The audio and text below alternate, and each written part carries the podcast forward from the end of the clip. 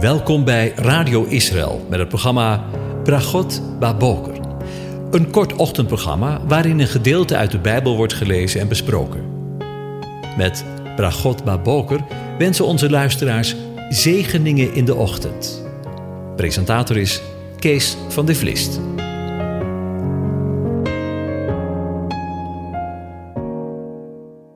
Hartelijk welkom, beste luisteraars. Vanmorgen gaan we weer verder met Psalm 93. Ik lees het aan je voor. De Heere is koning, hebben de vertalers erboven gezet. De Heere regeert, hij is met majesteit bekleed. De Heere is bekleed en heeft zichzelf omgord met macht. Ja, vast staat de wereld, hij zal niet wankelen. Vast staat uw troon van oudsher. U bent van eeuwigheid. De rivieren verheffen, heren, de rivieren verheffen hun stem, de rivieren verheffen hun gebruis. De Heere in de hoogte is machtiger dan het bruisen van de machtige wateren, de machtige golven van de zee. Uw getuigenissen zijn zeer betrouwbaar. De heiligheid is een sieraad voor uw huis.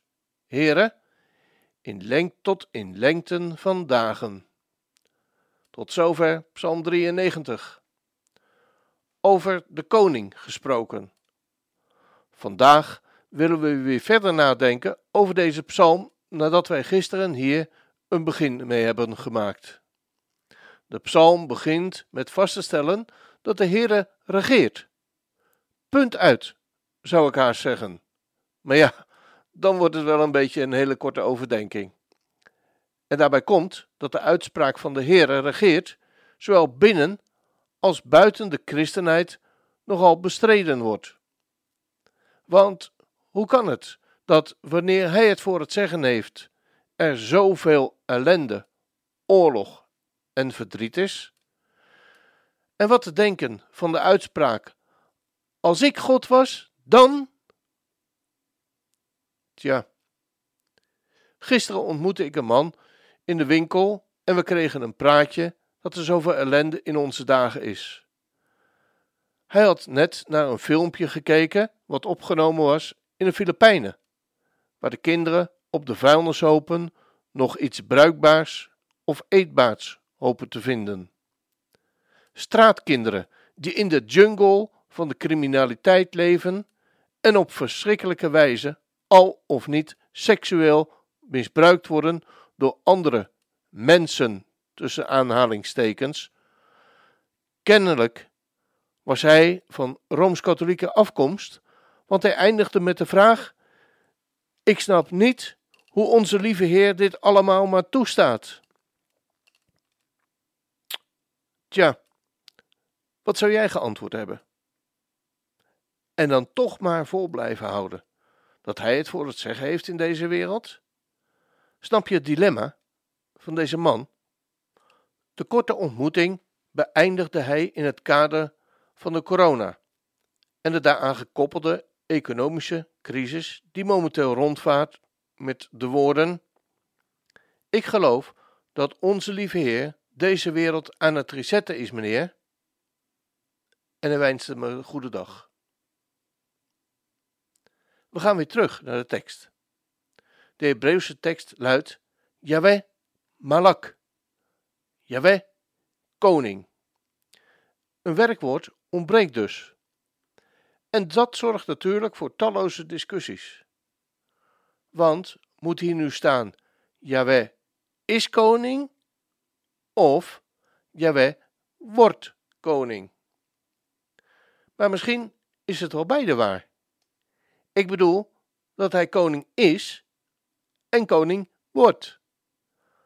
Want waarom zou er één oplossing de juiste zijn?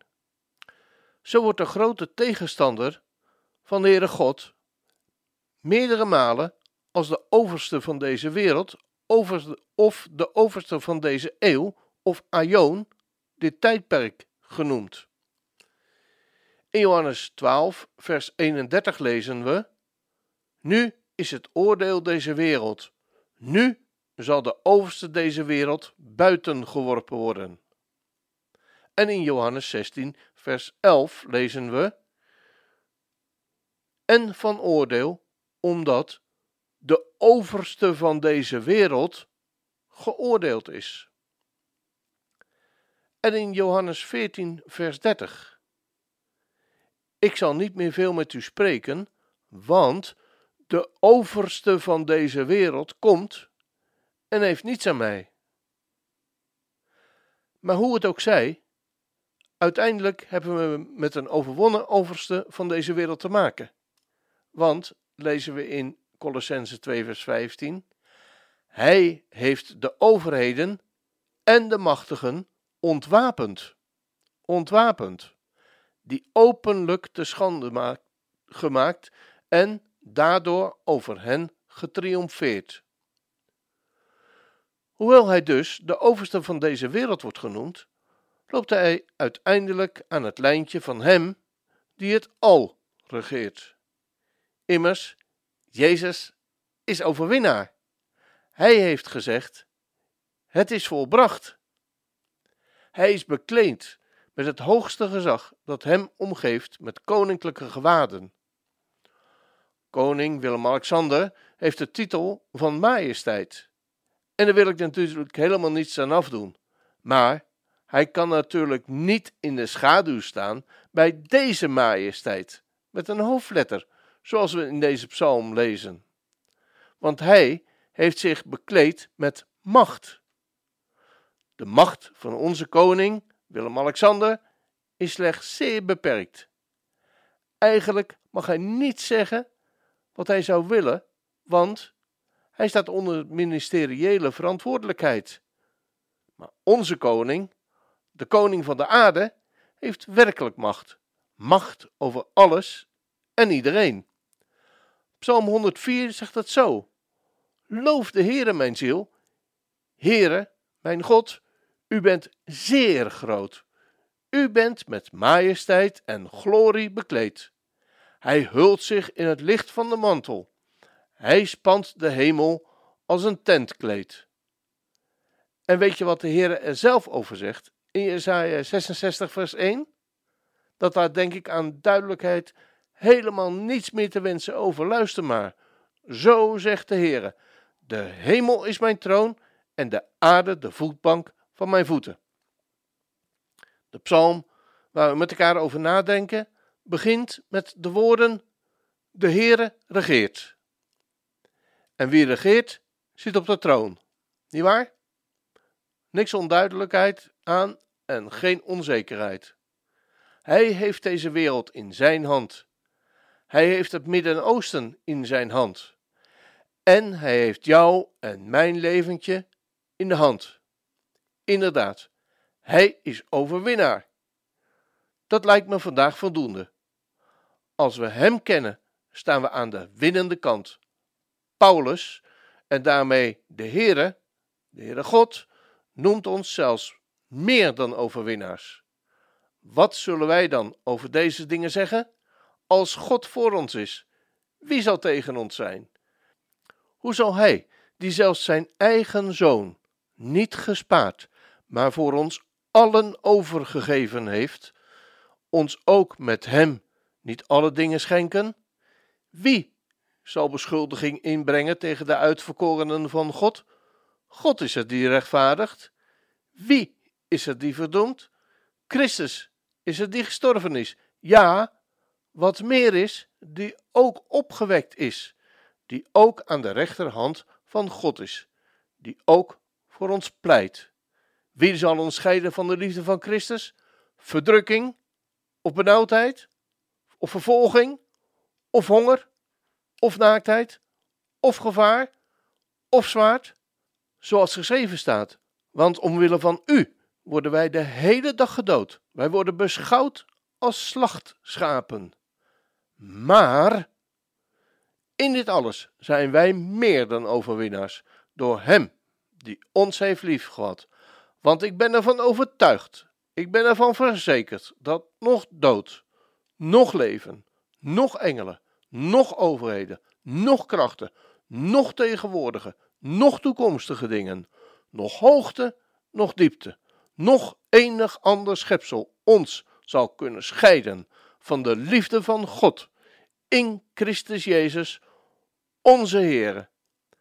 We luisteren nu naar een prachtige uitvoering van het lied Jezus is overwinnaar.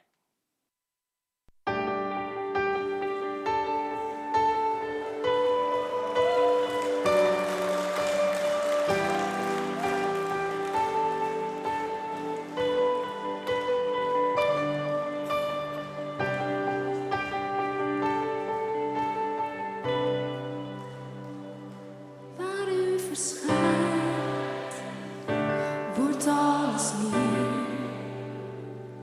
want u bevrijdt.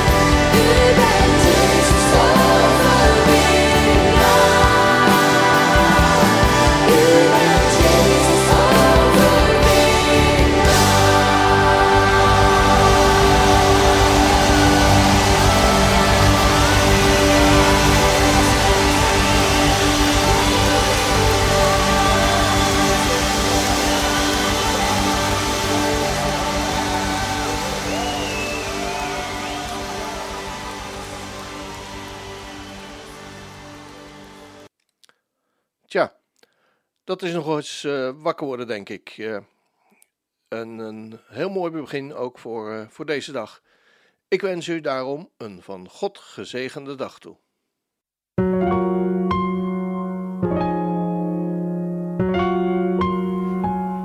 U hebt geluisterd naar het programma Bragot Baboker. Een kort ochtendprogramma waarin een gedeelte uit de Bijbel wordt gelezen en besproken. Wilt u het programma nog eens naluisteren, dan kan dat. Ga naar radioisrael.nl en klik onder het kopje radio op Uitzending gemist.